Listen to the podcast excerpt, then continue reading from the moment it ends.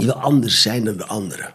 En dat is een van de dingen die ons anders maakt dan andere gezelschappen. Het is bij ons nooit een, een hype. Ready to have some fun? Let's do it. Welkom bij De Makers, waar je alles hoort over leven en ondernemen als creatieve maker, artiest of kunstenaar. Want hoe zorg je dat mensen je werk kennen? Hoe ontwikkel je een eigen stijl? Wat is een goede prijs voor jouw werk? Mijn naam is Diede Vonk en samen met een interessante gast geef ik jou de antwoorden, zodat jij straks met alle vertrouwen en de juiste tools aan de slag kan met je creatieve makerschap. Vandaag spreek ik acteur en theatermaker Remy Sambo. Je kent hem misschien nog wel van zijn rollen in All Stars of Spangas. Maar wist je dat hij al sinds 2003 een eigen gezelschap heeft? Waarmee hij voorstellingen, podcasts, films en talkshows maakt over onderwerpen die hun wortels vinden in de interculturele en queer samenleving. Zijn gezelschap Remy Sambo Maakt wordt zelfs structureel ondersteund door Fonds Podiumkunsten en het Amsterdams Fonds voor de Kunsten. We hebben het in dit gesprek over wat je teweeg kunt brengen met kunst op langere termijn, over wat hij als maker heeft geleerd van het starten van zijn eigen gezelschap, over hoe belangrijk het is om je hart te volgen en hoe je dat doet. Maar ook hebben we het over gecanceld worden en de nasleep daarvan. Dit is namelijk wat er bij Remy gebeurde. Het werd een heel bijzonder gesprek waarin hij voor het eerst openlijk vertelt over hoe dit gegaan is. Het is een zaak die nog lopende is, waarbij hij in hoger beroep is gegaan. Op 6 oktober, de dag dat deze podcast wordt uitgezonden, vindt dit hoger beroep plaats. Hij mag dus nog niet in detail treden hierover, maar vertelt wel wat er omheen gebeurde. Ik ben heel blij dat ik Remy heb uitgenodigd en heb leren kennen. Hij is een ontzettend inspirerende maker en deelt in dit gesprek veel van zijn lessen. Vlak voordat we begonnen vroeg Remy hoe ik eigenlijk bij hem terecht was gekomen, waarom ik hem voor de podcast had gevraagd. Dat resulteerde eigenlijk gelijk in een leuk gesprek, dus je valt zo meteen direct daar middenin. Heel veel luisterplezier, hier is Remy Sambo. Ik, ik heb, zijn we al begonnen? mag, ja. Oh, ja? Nee, nee, maar ik heb, ik heb echt, ik heb echt, ik heb echt een niche gezelschap. Ja. Uh, uh, dus ik, ik, ik kies echt uh, specifieke thema's die andere gezelschappen niet doen. Dus um, wat je heel erg uniek maakt, maar wat het ook heel erg soms moeilijk maakt om iedereen te bereiken. Maar je, je zegt ik ben niche gezelschap, maar ja. is die niche misschien niet ook nu juist meer mainstream aan het worden? Ja, ja, ja zeker. Toen ik, toen ik net begon, toen uh, zeiden mensen tegen mij van... ah joh, je bent uh, geen theatermaker, je bent een maatschappelijk werker. Oh ja? Ja, ja dat is ooit tegen me gezegd. En um, ik ben heel erg geweest. Ik dacht, ja, maar uh, het zijn juist de maatschappelijke dingen waar je kunst over kan maken. En het gaat heel erg over het hier en nu. Het gaat heel erg over jou en mij. Mm -hmm. En ik wilde echt kunst maken... Um, ja, wat gewoon mensen aanspreekt, waar, waarin je direct kan herkennen. Ja. En ik had totaal geen behoefte om, om, om dingen te maken met, uh, om kunst te maken met een grote K, waar we met z'n allen zogenaamd verwonderd naar moeten gaan zitten kijken en er niks van begrijpen. Ja. Ik wilde gewoon echt dingen maken waarbij mensen gewoon zoiets hadden van, jeetje, dit, dit gaat over mij. Of ik leef in een wereld en ik wist niet dat dit om mij heen aan de hand was. Maar het was heel. Uh, het, het, het, het, het, wordt, het wordt nu steeds meer mainstream. Maar het is echt lange tijd. Uh, um, ja, toch wel een soort niche geweest. Ja. Ja. Oké, okay, nou we zijn al uh, een soort van begonnen, maar laten we nog eventje, even herbeginnen. Ja. ja. Want ik denk dat we hier zo meteen sowieso verder op in zullen gaan. Want mijn eerste vraag aan jou was eigenlijk ook um, waarom uh, jij bent begonnen met zelf dingen te maken. Want als ik zo terugkijk naar jouw carrière, dat ging volgens mij vanaf het begin vliegend, uh, van project naar project. Misschien is dat ook alleen maar wel hoe het er van buitenaf afziet, uh, uitziet. Maar waarom, wat was voor jou de reden om zelf een gezelschap op te starten? In 2003 was dit al, geloof ik. Ja, jeetje, ja, ja, ja, ja, ja. Ja, ja het, mijn carrière ging wel inderdaad vliegend. In de zin van, kijk, uh, ik zat op de toneelschool. Um, ik had en heb nog steeds heel veel energie. En dat moet ik dan kwijt. Dus uh, ik zat op toneelschool en je mocht niks anders ernaast doen. En je had een uh, gezelschap, uh, Cosmic. En het was eigenlijk Cosmic en DNA. Dat waren de enige twee multiculturele theatergezelschappen in die tijd. En ik zat bij Cosmic en overdag zat ik op school en s'avonds zat ik bij Cosmic. Was ik aan het repeteren voor kleine stukken en uh, heel erg dingen maken en uitvinden wat ik, wat, ik, wat ik zelf wilde.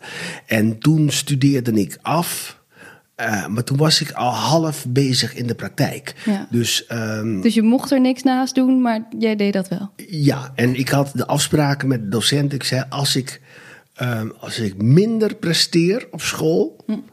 Dan stop ik ermee. Ja. Als, jullie het moment, als jullie het gevoel hebben van nee, dit wordt te veel voor hem, dan stop ik ermee. Voor die Ah. tijd doe ik gewoon wat ik doe. Dus ik was gewoon, ik deed gewoon mijn eigen ding. En tegelijkertijd ben je dan gewoon bezig in, um, uh, in de praktijk. Dus mensen zien je, mensen weten wat je, wat je allemaal aan het doen bent. Dus uh, in het derde jaar, eind derde jaar, zat ik in een tv-serie. In het vierde jaar um, deed ik All Stars de film. Dus op die manier rolde het allemaal al vrij uh, snel en makkelijk in een goed lopende carrière. Maar het is, daar zit heel veel werk achter. ik studeerde dus af en ik speelde bij allerlei gezelschappen, wat ik gewoon super tof vond. Maar uh, ik was in dienst van. Ik moest verhalen vertellen van anderen. En het waren niet altijd de verhalen die ik per se wilde vertellen. Dus toen dacht ik, ja, je kan. En ik vond uh, in mijn tijd helemaal papa vertelt, had je gewoon heel weinig donkere acteurs. Dus um, alle verhalen waren heel wit georiënteerd. Terwijl ik dacht van ja, maar de wereld om mij heen is heel divers. Mhm. En, uh, en, en ik mis dat in, in de gezelschappen. Ik miste dat in de theaterzalen. En toen dacht ik, nou ja, je kan twee dingen doen. Je kan of heel erg gaan zitten klagen dat het er niet is. Of je kan een poging wagen om verandering uh, teweeg te brengen. En ik heb gekozen voor het tweede. Dus zo ben ik uh, uh, begonnen met mijn gezelschap. Um, eerste vijf jaar vooral vanuit het acteurschap. Wat wil ik maken? En, en met allemaal, met, met, met allemaal leerlingen ook uit Amst van Amsterdamse toneelschool. Dus dan ben je eigenlijk bezig als maker. Maar een gezelschap betekent een bestuur bij elkaar krijgen. En, en bestuursvergaderingen. en, en, en uitdenken waar je nou voor staat. Dus de eerste vijf jaar was ontdekken. Mm-hmm. Heel veel ontdekken van wat is het nou om een gezelschap te hebben. Ja, wat, wat betekent En veel acteurs vinden dat ook helemaal niet leuk om dat ook te doen. Maar had jij daar wel gelijk iets mee? Nee. Nee? nee, ik had er helemaal. Ik had er helemaal niks mee. Ik moet eerlijk zeggen, ik vind bestuursvergaderingen nog steeds verschrikkelijk. ja, ik, ik, ik ben een maker, weet je wel. En het wordt dan heel technisch, moet je alles gaan uitleggen. En uh, uh, jaarcijfers en dat soort toestanden en zo. Dat interesseert me ook. Dat interesseert me echt niet. Nee. Ik denk, het, het product interesseert mij. Ja. En, uh, en ik heb iemand die daarover gaat. En die kan dat heel goed. En dan denk ik, ja, gaan jullie maar vergaderen en laat me met rust. Het is wat ik nog steeds denk. Maar helemaal in het begin, als je nog jong bent en uh, je nog niks weet. Mensen vroegen me van, wat is jouw visie? Ik dacht, visie, visie, visie. ja. Ik, ja, weet je, ik wil gewoon dit maken en ik wil gewoon dat maken. En daarmee sprak ik mijn visie uit. Ja, want als ik je zo het net hoor vertellen van waaruit je dat bent begonnen, dat, dat klinkt wel alsof daar al een visie achter zat. Nou, totaal niet. Het was gewoon heel uh, uh, um, gevoelsmatig. Mm-hmm. En ineens moest, moest dat dus een, een, een, uh, worden, vertaald naar visie. En toen dacht ik, uh, visie, wat, hoe? Terwijl ik dat al deed, weet je. Ja. Dus, dus, dus, en dat, dat, gaat, dat is bij heel veel bij mij, hoor. Ik ben heel impulsief in, in dingen die ik wil maken, die ik om me heen zie. En dat doe ik dan gewoon. En dan is zo'n gezelschap toch de grote mensenwereld... waarin je alles moet gaan ordenen en zeggen van ik doe nu dit, nu dat. Dus in het begin is dat, is dat verschrikkelijk. Ja.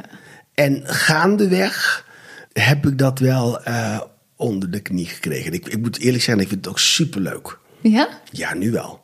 Oh, hoe, hoe is die switch gekomen? de switch is eigenlijk het niet, niet eens zo lang hoor. Want ik heb, als ik me niet vergis, ik vergis me altijd in jaren. Volgens mij heb ik zes jaar geleden voor het laatst eh, gespeeld. Want ik, ik, had, ik was ook heel eigenwijs. Ik vond dat ik moest spelen en regisseren. Ah, ja. Dus ik had eh, makers om mij heen.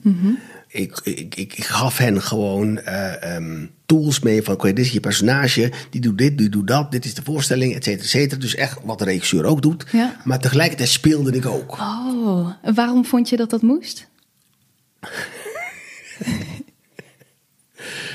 Ehm,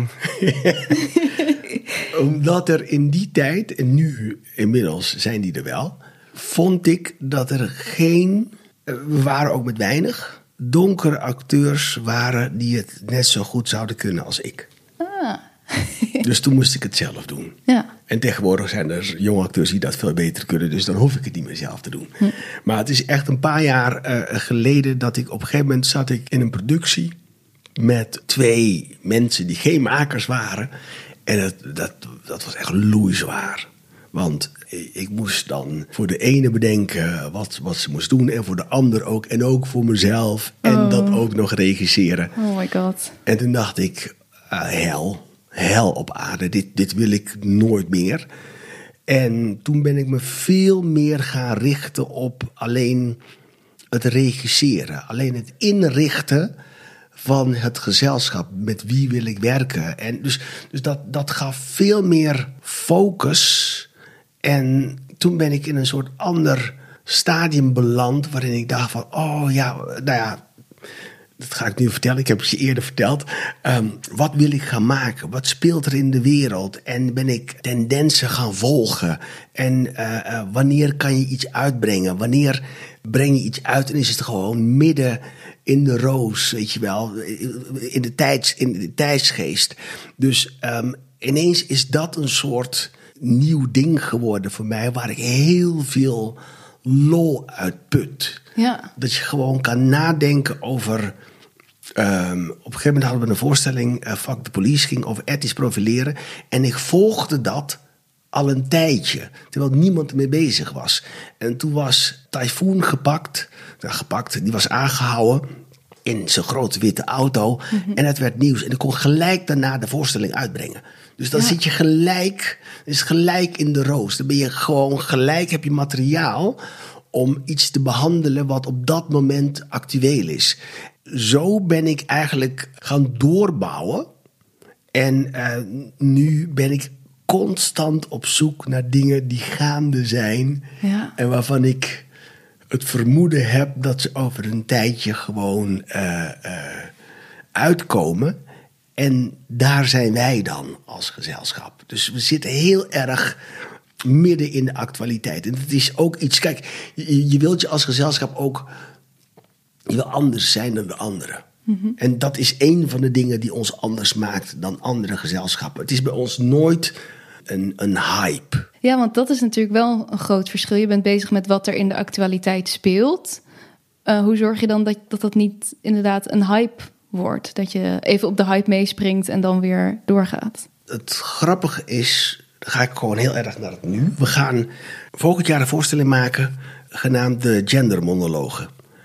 En wat je nu ineens ziet, is dat, dus ik volgde dat jaren. En het is nu het moment om dat te doen. En wat je nu ineens ziet, is dat heel veel gezelschappen dat ook aan het doen Daar zijn. iets mee gaan doen, Ja, Over, over gender. En ehm, eh, met alle respect voor iedereen die er aandacht aan besteedt, want ik vind dat er aandacht aan besteed moet worden. Alleen bij mij is het nooit iets wat ik ineens ben gaan doen. De afgelopen jaren hebben wij daar heel veel aandacht aan besteed. In voorstellingen, in podcasts. Snap je? Dus het is voor Ja. bij ons een doorlopend ding. Dus dat is al een soort onderzoek waar je eigenlijk al lange tijd mee bezig bent. Ja, en, wat, en, en, en het houdt eigenlijk nooit op bij ons. Ja. Dus als er iets is geweest, bijvoorbeeld, we hadden Fuck the Police hadden we eh, vier, vijf jaar geleden gemaakt. eh, over ethisch profileren. En hebben we vorig jaar bijvoorbeeld eh, een podcast gemaakt, Racisme bij de politie. Om te kijken hoe het vier jaar later nou. Ervoor staat. Ja. Ja. En je had, je had net die documentaire De Blauwe Familie. daar maken wij weer een vervolg op. Om te kijken hoe dingen na een tijdje, hoe dat, hoe dat zich heeft ontwikkeld of niet. Dus bij ons is het nooit een, een, een het is nooit een hype, het is nooit een moment, het is nooit iets dat we denken van uh, hier gaan we op meeliften. Op de een of andere manier voel ik aan wanneer het uh, het moment is om het uit te brengen. Mm-hmm. Maar de kunst is om het daarna gaande te houden. Ja, dat het niet is, oh we hebben een voorstelling gemaakt en nu is het klaar. Maar om er ja, later nog verder mee bezig te ja, blijven. Ja, ja, ja. En, en, en, het is, kijk, en als je gewoon kijkt naar onze track record. Ik ben ambassadeur van de Pride. Elk jaar doen we een event tijdens de Pride. Op een andere manier, of in de vorm van een podcast, of in de vorm van een film. Dus voor ons is het een doorlopend ding. Ja. En de voorstelling had ik gewoon bedacht voor 2023. En nu ineens zie ik allemaal mensen om me heen die dat ook doen. Nogmaals, wat ik hartstikke goed vind. Ja, het speelt dus blijkbaar. ja, ja, precies. Maar uh, het moet niet een, een trend zijn. Het moet niet iets zijn waar we op, met z'n allen op meeliften. Voor mij moet het echt iets zijn dat ik denk van... oké, dit is het moment waarop we met z'n allen er iets over zeggen. Maar maak het ook iets wat, uh, wat gewoon doorgaat. Want dat, het gaat ook door. Snap je? Het is iets wat niet gelijk verandert... nu wij met z'n allen daar voorstellingen over maken. Mm-hmm. Dus je moet over een tijdje, vind ik, ik moet dan over een tijdje een soort balans opmaken van waar zijn we nu. Dus het is een soort doorlopend ding altijd bij mij. Ja, en ik vind dat ook wel interessant, omdat je dus op het begin zei van ja, we zijn een beetje een, een niche gezelschap of zo begonnen in ieder geval. Is het dan niet ook ja, soms uh, frustrerend of gek dat, dat het nu lijkt alsof iedereen op die golf mee wil? Oh, daar moet ik eerlijk antwoord op geven. Hè? Graag. Uh, ja. Ja, ik vind het ergens wel. Uh, ik vind het erg nee, frustrerend is, is niet het juiste woord. Ik um, twijfel soms aan de oprechtheid van. Mm-hmm. Omdat ik denk van waarom, waarom doe je het nu ineens? Ja. En, en waarom heb je je al die tijd daarvoor bezig gehouden met andere dingen die blijkbaar belangrijker waren. Ja, het is, het is, lastig om te zeggen, want ik wil niet het werk van andere mensen afvallen. Maar het is wel een eerlijk gevoel. Ja. Dat ik dan soms denk van, ja, maar waar, waar, waar komt dit vandaan? Dat Precies. je ineens nu vindt dat je dit moet gaan doen. Dus daar, ik ben daar gewoon, misschien is twijfelen aan negatief, laat me zo zeggen. Ik ben er gewoon heel benieuwd naar. Waarom je op dit moment denkt, ik moet dit nu gaan doen. En wat ga je daarna eraan doen? Ja. Ja, hoe zorg je dat het niet uh, one trick is ja. en daarna weer doorgaat? Ja. Ja. ja. Interessant. um, je, we hoorden je net ook al vertellen over nou, een podcast bij de politie. Je organiseert uh, themaavonden, voorstellingen. Hoe kan je zoveel verschillende dingen naast elkaar doen? Als ik jou zo hoor, lijkt het alsof jouw hoofd nooit stopt en maar doorgaat. Hoe, hoe doe je dat allemaal? Uh, het is een hel voor ons, want we zijn een klein, we zijn een klein gezelschap. Wat is klein? Hoe ziet dat eruit? Uh, we, we, zijn met z'n vijven. We zijn met z'n vijven. Dus ik heb een zakelijk leider, ik heb iemand die educatie op educatie, ik heb iemand op productie en ik heb iemand op uh, PR. Um, maar dat is gewoon, dat is gewoon een, een klein clubje. Mm-hmm. En ik bedenk dan best wel veel dingen. dus dus het, is, het is wel, het is, het, is, het is heel hard werken om gewoon per event te kijken van hoe kan je mensen daarvoor interesseren. Omdat het ene event is, is, is de ander niet, weet je. Omdat uh, de ene keer gaat het over queerness en daar komt queer publiek op af. En de andere keer gaat over uh, onze multiculturele samenleving. En dan is de queer, uh, queer mensen zijn daar niet per se in geïnteresseerd. Dus um, je hebt steeds verschillende niches, verschillende Ja. hoeken die je pakt. Ah ja. En je moet elke keer voor elke hoek moet je proberen weer mensen te interesseren. Dus dat is eigenlijk uh, um, is best hard werken. Terwijl als je één ding maakt, als mensen weten van ah, ze maken nu dit, dan gaan met z'n allen, dan weet je gewoon ste steeds waar je naartoe gaat. En bij ons is het, um, dat verschilt omdat de wereld om me heen in beweging is. En het ene moment is uh, dit heel erg aan de, aan de hand. En het is voor een bepaald publiek interessant. En een ander moment is dat heel erg aan de hand. En snap je dus. Ja, dus en jullie hebben dus ook echt twee grote doelgroepen eigenlijk. Ja. Waar je de hele tijd een beetje tussen heen en weer Ja, gaat. en, en een beetje daartussen. dus Ja. de queer groepen en, en de gemeleerde groep, noem ik het maar even zo. De, de bi- biculturele mensen en alles wat eronder valt. Zwart, wit, geel, et cetera.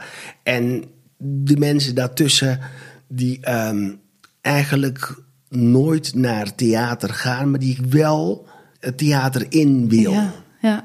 Snap je? Dus ik... ik ehm, het is lastig wat ik soms wil qua, qua doelgroep. ja wat, wat, wat wil je nu het liefst? Wat, wat zou jou... Alles en iedereen. ja, ja, ik vind dat we, dat we ons moeten interesseren voor elkaar. Ja, En eh, dus als eh, een voorstelling gaat over, ik noem maar wat, over, over queerness of over eh, homoseksualiteit. Een ieder kan zich op een manier herkenning daarin vinden.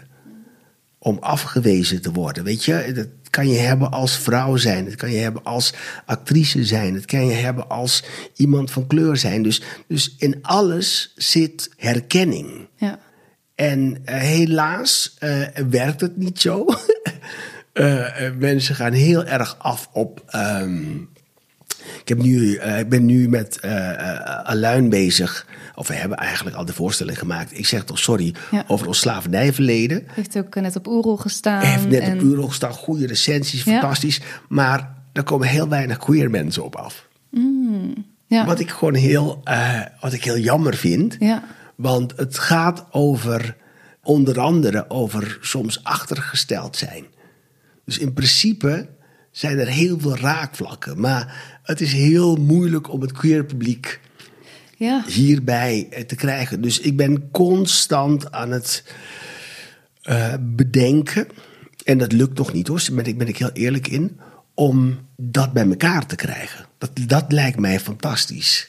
Ja, want sowieso is ook als je een voorstelling maakt over queer zijn, je- je wil juist ook, denk ik, dat, dat alle soorten mensen daarnaar komen kijken.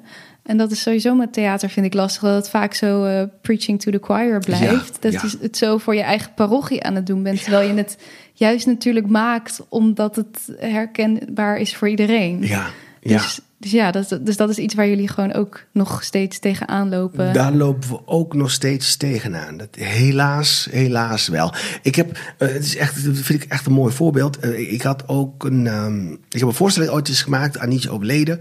Ging over taboe rondom HIV en AIDS. eh, in, een, in een donker gezin. En ik kon vier jaar later kon ik daar een film van maken. En ik heb een film gemaakt, eh, super tof. En dan gingen we mee toeren langs Curaçao, Bonaire en Suriname. En dan ging je met jongeren praten daarover, weet je wel. eh, seksualiteit, eh, stigma, et cetera. En toen kwamen we in Suriname in Nikeri. En Nikeri is... ehm, in Paramaribo waren alle leerlingen die hadden zoiets van ja, homoseksualiteit moet kunnen, bla bla bla.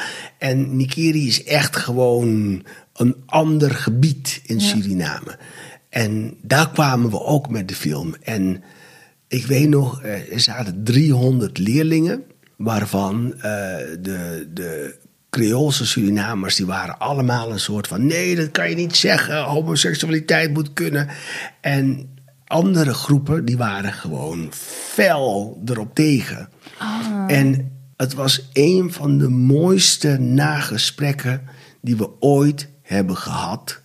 Want op, ik weet nog, op een gegeven moment ging de, de moderator met een jongen in gesprek. Die zei, nee, het kan niet. En toen zei de moderator, maar wat nou als het je broer is? Eh, of, of nee, eh, je oom. En daarna je broer. Dus ze kwam steeds, Steeds dichter, bij hem. Steeds dichter bij zijn gevoel.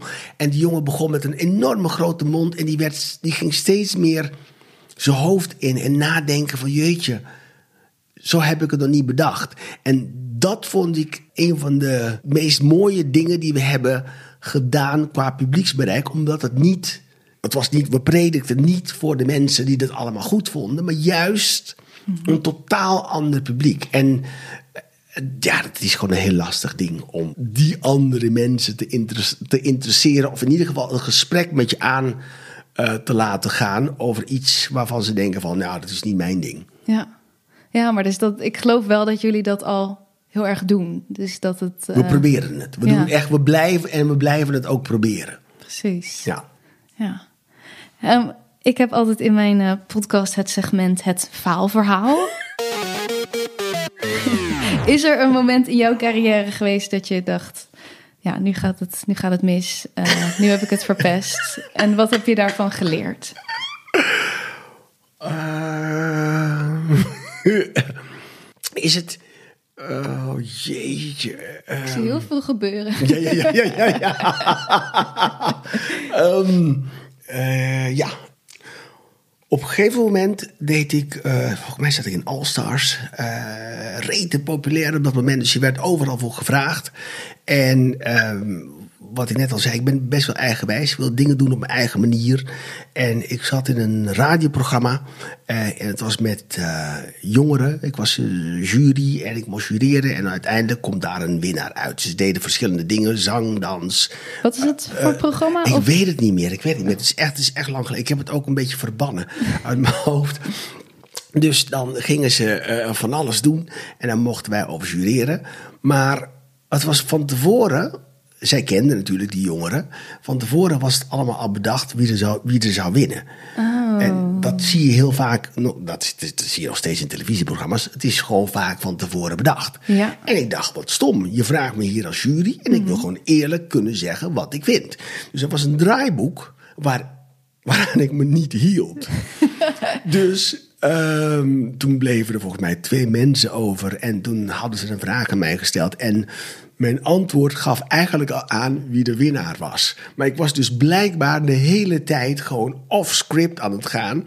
En de redactie werd helemaal gek. Ja. Dus toen gingen ze heel snel naar de reclame. En toen kwam de redacteur binnen. Nee, dit gaat niet goed. Dit gaat niet goed. Toen dacht ik, hè, wat gaat niet goed? Maar je had het niet eens door dat je het aan het doen was. Nee, nee, ik was gewoon veel te eigenwijs. Ik dacht, nou ja, als je me vraagt om te jureren, laten we het dan ook Ja. eerlijk doen. En het was van tevoren was het ook niet echt met me besproken. Ik kreeg een draaiboek onder mijn smoel en ik moest gewoon dan tekstjes doen. Nou, daar had ik. Het is niet dat ik er geen zin in had. Ik had gewoon. Ik vond het gewoon raar. Een andere verwachting. Ik had een andere verwachting, ja. En toen, hoe is het afgelopen? Ik weet nog dat op een gegeven moment kwamen we terug van de commercial. En toen is er een, een soort mouw aan. Heeft iemand een mouw aan weten te breien. En eh, toen dacht ik, oké, ik moet hier zo snel mogelijk weg. Ik heb gewoon de uitzending een beetje verpest. Dat eigenlijk is een van de dingen die ik ehm, ja, achteraf gezien eh, heel erg om kan lachen. Maar toen, ik voelde me zo, zo'n loser. Ik dacht, oh, wat heb ik gedaan? En wat heb je ervan geleerd? Dat, Eh, dat ik echt van tevoren heel goed moet doorspreken wat ik ergens kon doen. En om te kijken of het bij me past. Ja. Want dan pas kan je ergens ja op zeggen, weet je wel. En toen was het, het was een soort gekkenhuis. Ehm, mensen wilden je gewoon heel graag. En je dacht, oh ja, leuk. Ja. Je dacht niet na, Nee. weet je wel. Dus je deed overal aan mee. En nu wil ik van tevoren weten, oké, waar ga ik aan meedoen? Pas ik daarbij? En soms gewoon echt nee durven zeggen. ja, veel beter kijken naar wat, wat past er wel en niet bij me. Ja, ja, ja, ja en, en, en, en daardoor ook dichter bij jezelf blijven en, en eerlijker eh, naar jezelf zijn, weet je wel. En, en niet, dat was ook natuurlijk ook een angst. Kijk, ehm, ik wist niet hoe lang het allemaal zou duren, dus ik dacht, ik moet overal mijn, mijn smoel laten zien. Je weet je wel. succes, hoe lang dat zou duren. Ja. ja. Ja, ik durfde, ik, ik, ik, ik, durfde bijvoorbeeld eh, geen huis te kopen. Toen dacht ik, ja nee, maar als ik nu een huis koop, nu verdien ik geld, maar straks niet meer. Weet je wel? Dus alles was een soort van, stond een soort van onder druk. En naarmate je ouder wordt, gaat het er gelukkig vanaf. Ja? Ja. De, die rust is eh, wel een beetje gekomen. Die rust is gekomen, maar er, ik heb geen maakrust. Nee, precies. Daar blijft een drive en een Ja, energie ja, achter zitten. ja, ja, ja. Ik wilde nog iets anders aan je vragen. Oh jee. Je ziet mijn serieuze hoofd al. Nee, eh, als je jou googelt, dan Ja. komen er, komen er heel veel mooie werk eh, naar boven. Maar er komt ook vrij snel iets naar boven wat in 2020 is gebeurd. Ja. Een geweldsincident. Ja, Ehm, je hebt volgens mij ruzie gekregen met een vrouw. Eh, je bent daarvoor veroordeeld. Je hebt volgens Ja. mij een taakstraf gedaan. ja. En ik wil het wilde toch vragen aan je hoe jij dat moment en die nasleep daarvan hebt ervaren en wat dat doet voor jou als mens, als maker. Um, Even een switch. Wauw, ik had deze vraag niet verwacht. Ja, ook omdat ik bij mezelf merkte, ik, ik waardeer jou heel erg als maker, als mens. En dat ik toch dacht, oh ja, maar moet ik hem dan uitnodigen? Om, geef ik daar dan een podium aan? Ja. Toen dacht ik, als ik dit al heb, dan zou je dat misschien ook hebben ervaren bij anderen. Kijk, de moeilijkheid, de moeilijkheid hiervan is, is dat ik in hoger beroep ben gegaan. Oké.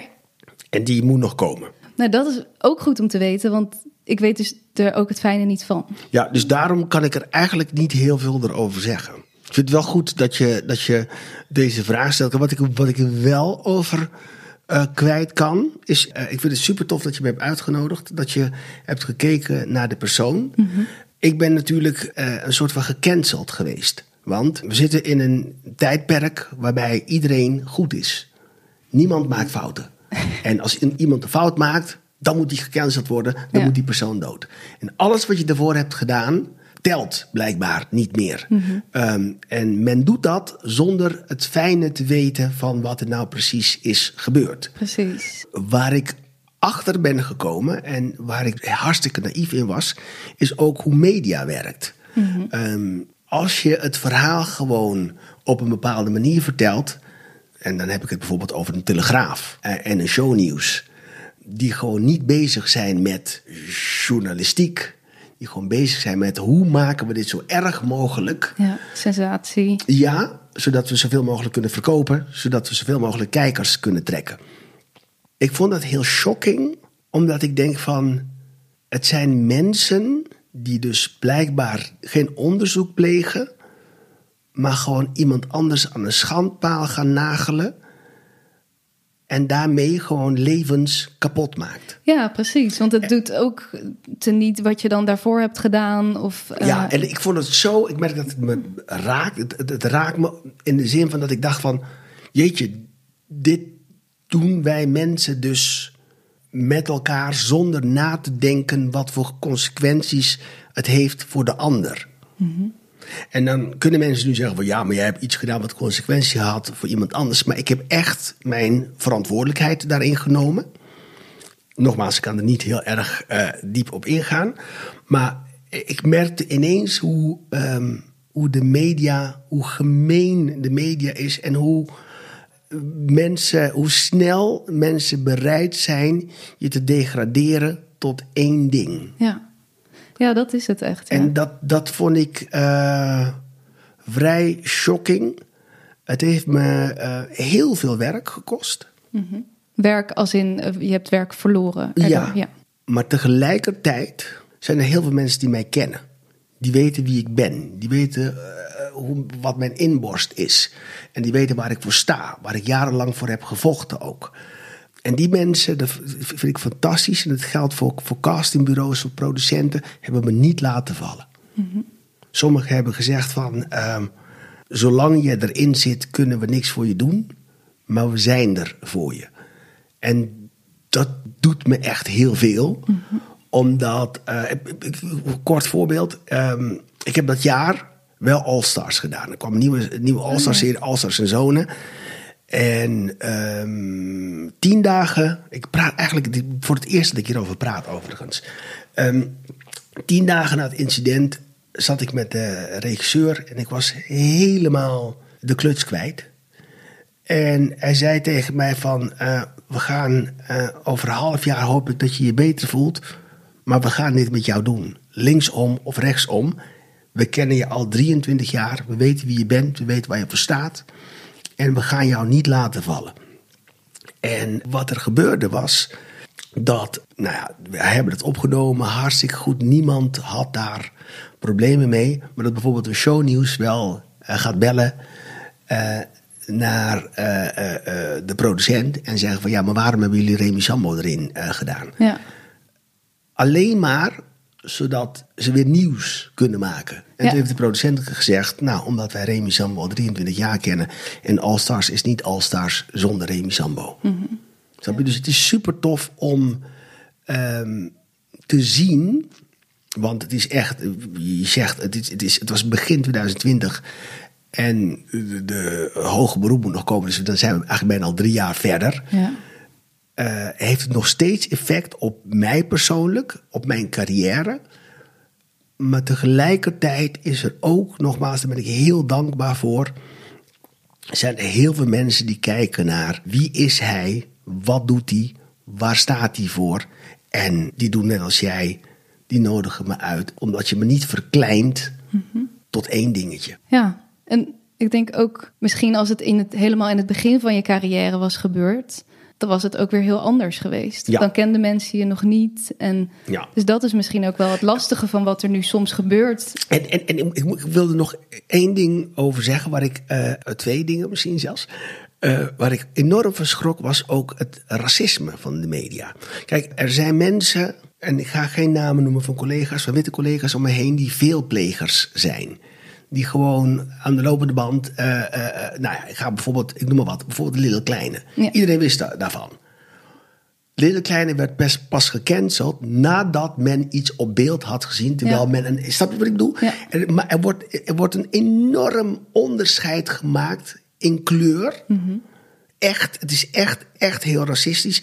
En een andere collega waarvan men wist dat hij dat ook deed, kwam ook in het nieuws. Maar dat, dat, dat, dat kan dan. Ah, En dat zijn veelplegers. Het zijn mensen die het gewoon vaker hebben gedaan. En dat is helemaal prima. Totdat het op een punt komt dat het niet meer kan. En dan pas wordt er niet eens gedacht over canceling. Dan wordt gezegd, ja, maar het is wel een held. Is wel een dit. Snap je wat ik bedoel? Dus ja, ik ben... ja. Je, je voelde daar echt een groot verschil in. Er is Ja. een groot verschil daarin. Er is echt een, een, een, een, een mega. Kijk, ik, ik, ik, ik wil niet eh, eh, Marco Borsato betichten van niks, want ik was er niet bij. Ik, maar waar het mij om gaat is. Er loopt iets tegen Marco Borsato. En de media kiest ervoor om te zeggen: ja, maar het is wel een nationale held. Snap je? Terwijl er meerdere dingen lopen tegen iemand. Ja. Terwijl ik denk van, weet je, snap je? En bij mij was het één ding en het was meteen, eh, was ik een, een, een, een vrouwenmishandelaar. Ja. En, en, snap je? Het was bizar om mee te maken, maar een mooi ding. Ik was gevangen in een wereld, of nog steeds een beetje, maar ik durf er steeds meer over te praten. Waarbij ik dacht van, eh, mijn stem is me afgenomen. Als ik iets positief deed, daar kwam daar geen melding van. Maar als ik iets anders deed waarvan ze dachten oh ja, daar kunnen we iets, dus dat. En ik was bezig met een voorstelling, Kaap Liefde heette dat. Het was in coronatijd. En ehm, het ging over een, een, een oudere witte vrouw. Gaat naar Afrika, ontmoet een, een, een, jongere zwarte man. Ze krijgen kinderen, komen naar Nederland. En hier in Nederland strandt hun huwelijk. Het is een beetje, ken je het programma ehm, Ontvoerd? Nee. Eh, In ontvoerd is het altijd zo dat iemand eh, in Nederland gaat naar het buitenland, ontmoet iemand, ze komen hier naartoe, krijgen kinderen. En die kinderen worden ontvoerd door degene die van buiten komt. En Mhm. Ja. ik vind het een heel raar concept, want je maakt altijd degene die van buiten komt eigenlijk de dader. Ja. En daar heb ik een voorstelling omheen over gemaakt. Eh, en door wat mij overkomen was, dacht ik. Kijk, zo'n programma als Ontvoerd of zo'n The Voice of whatever. Het is allemaal scripted. Het is allemaal over nagedacht. Ik heb dus een voorstelling gemaakt over een aflevering van Ontvoerd. Ja. Hoe wordt zo'n aflevering in elkaar gezet? En ehm, op het toneel. Dus, het Dus was, je, je ver- ja, ja, je- verbeelden ze zo iemand? ja, dus je ziet, je, ziet, eh, je ziet ze repeteren voor scènes. Je ziet hoe scènes worden opgenomen. Dus ik geef mensen een kijk achter hoe dat soort programma's gemaakt worden. En in die voorstelling heb ik eh, mijn hoofdpersonage op een gegeven moment laten bedenken van... ik wil dit niet. De rol die mij nu wordt toebedeeld, dat, dat, dat ben ik helemaal niet. Ja. Kunnen we niet praten over mijn personage? En toen heb ik gewoon heel erg laten zien hoe je met beeld om de klagende persoon heen kan filmen en toch nog je aflevering maken. Ja.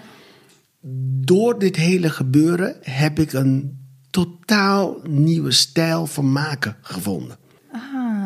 Waarbij ik eigenlijk de realiteit, zeg maar de realiteit, met fictie combineer in mijn voorstellingen.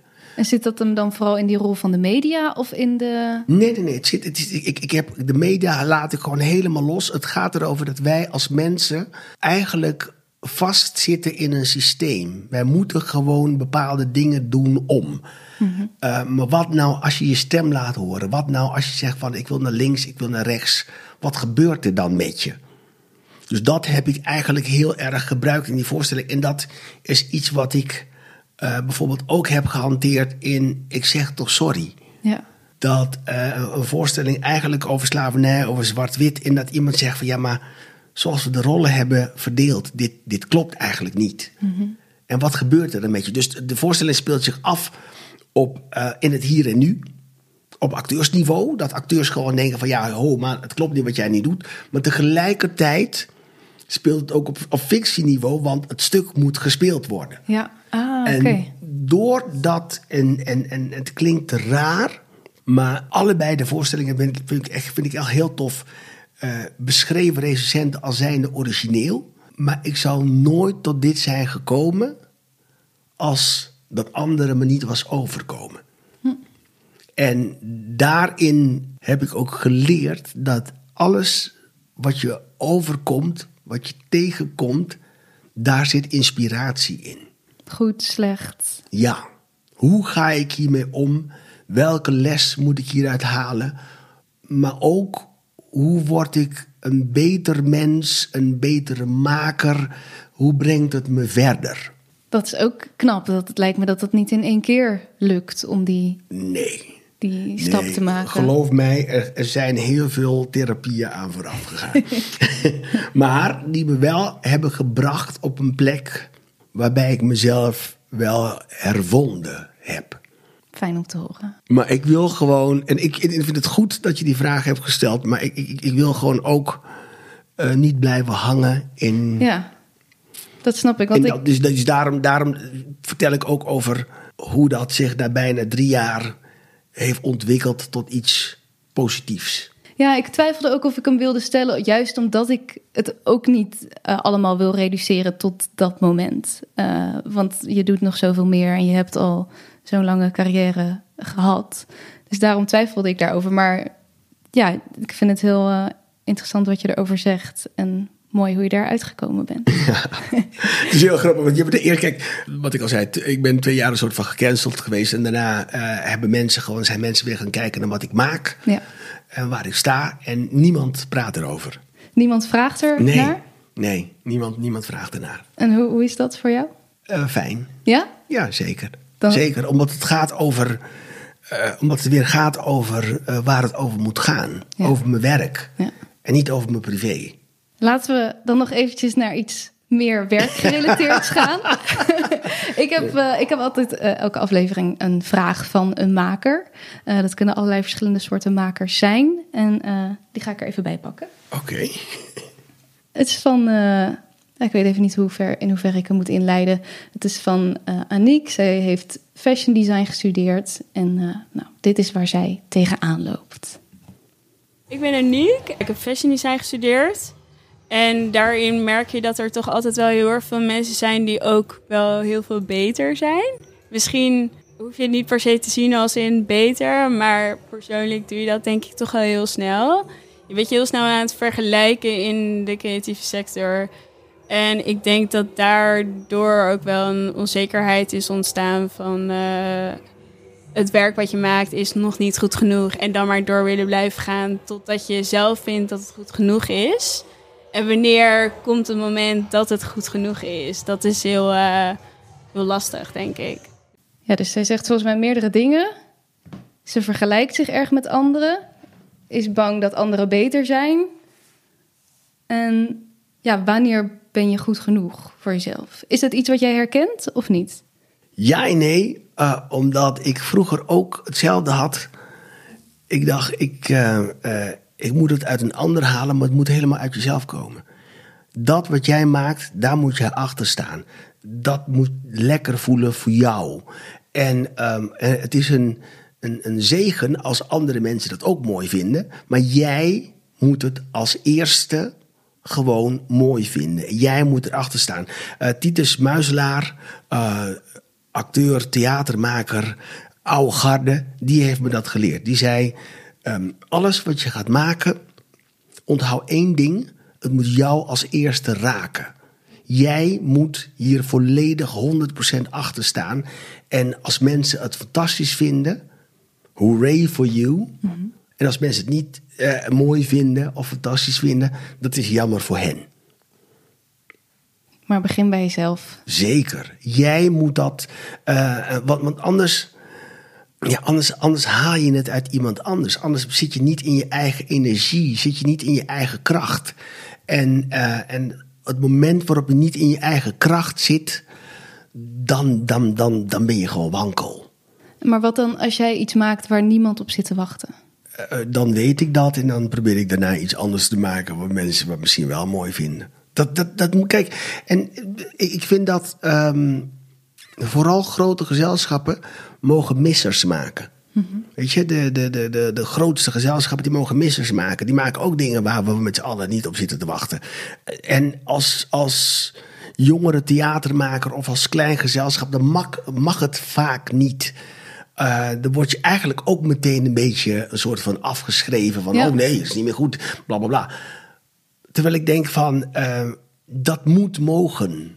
je, mo- je moet gewoon iets kunnen maken wat gewoon mensen totaal niet aanspreekt of wat totaal niet aanslaat en daarna de kans krijgen om met iets anders te komen. Kijk, en als je dan tien dingen maakt die gewoon niet aanslaan, dan, dan moet je echt gaan nadenken over, moet ik dit nog wel doen? Ja. Maar je, je, het, het moet gewoon mogen dat je, dat je, dat je, dat je missers hebt. Ja, nee, helemaal mee eens. En, en, en niet jezelf gaan kleineren tot eh, die, eh, tot die ene misser, maar gewoon denken van oké, oeh, nou, die was, dit, was echt niet, dit was echt niet de bedoeling.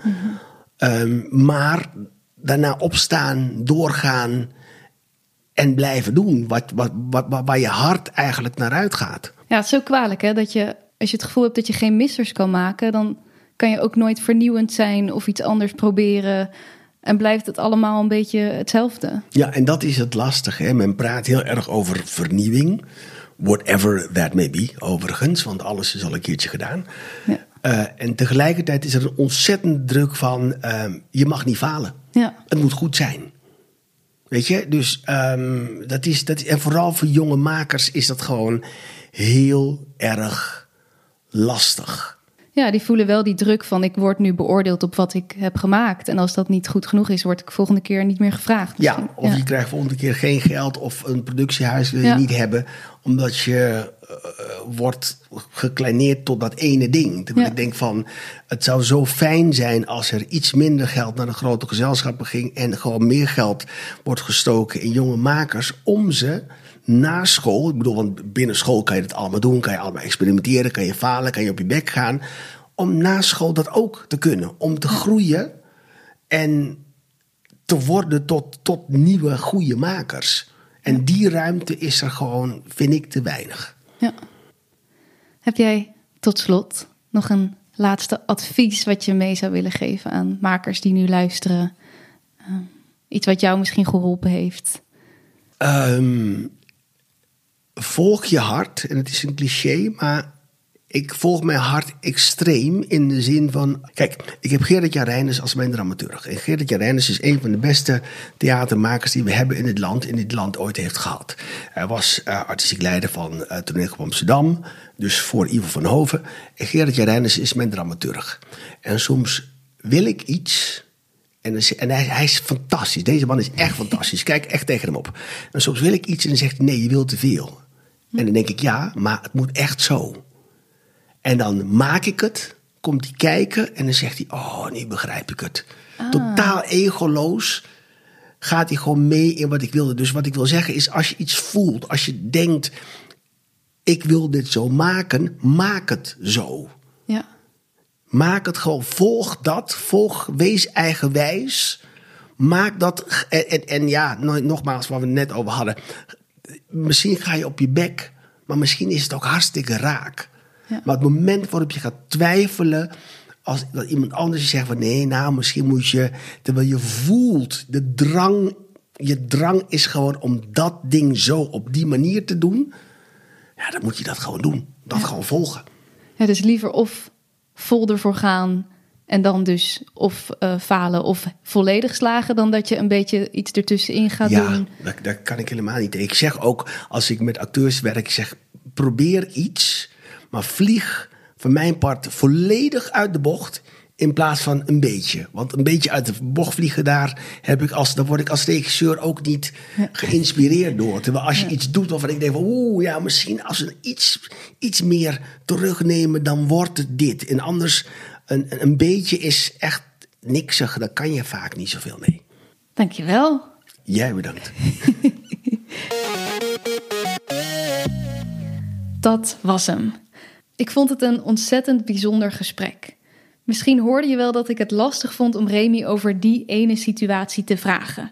Helemaal omdat het iets is dat blijkbaar nog loopt en waar ik uiteraard niet het fijne van weet.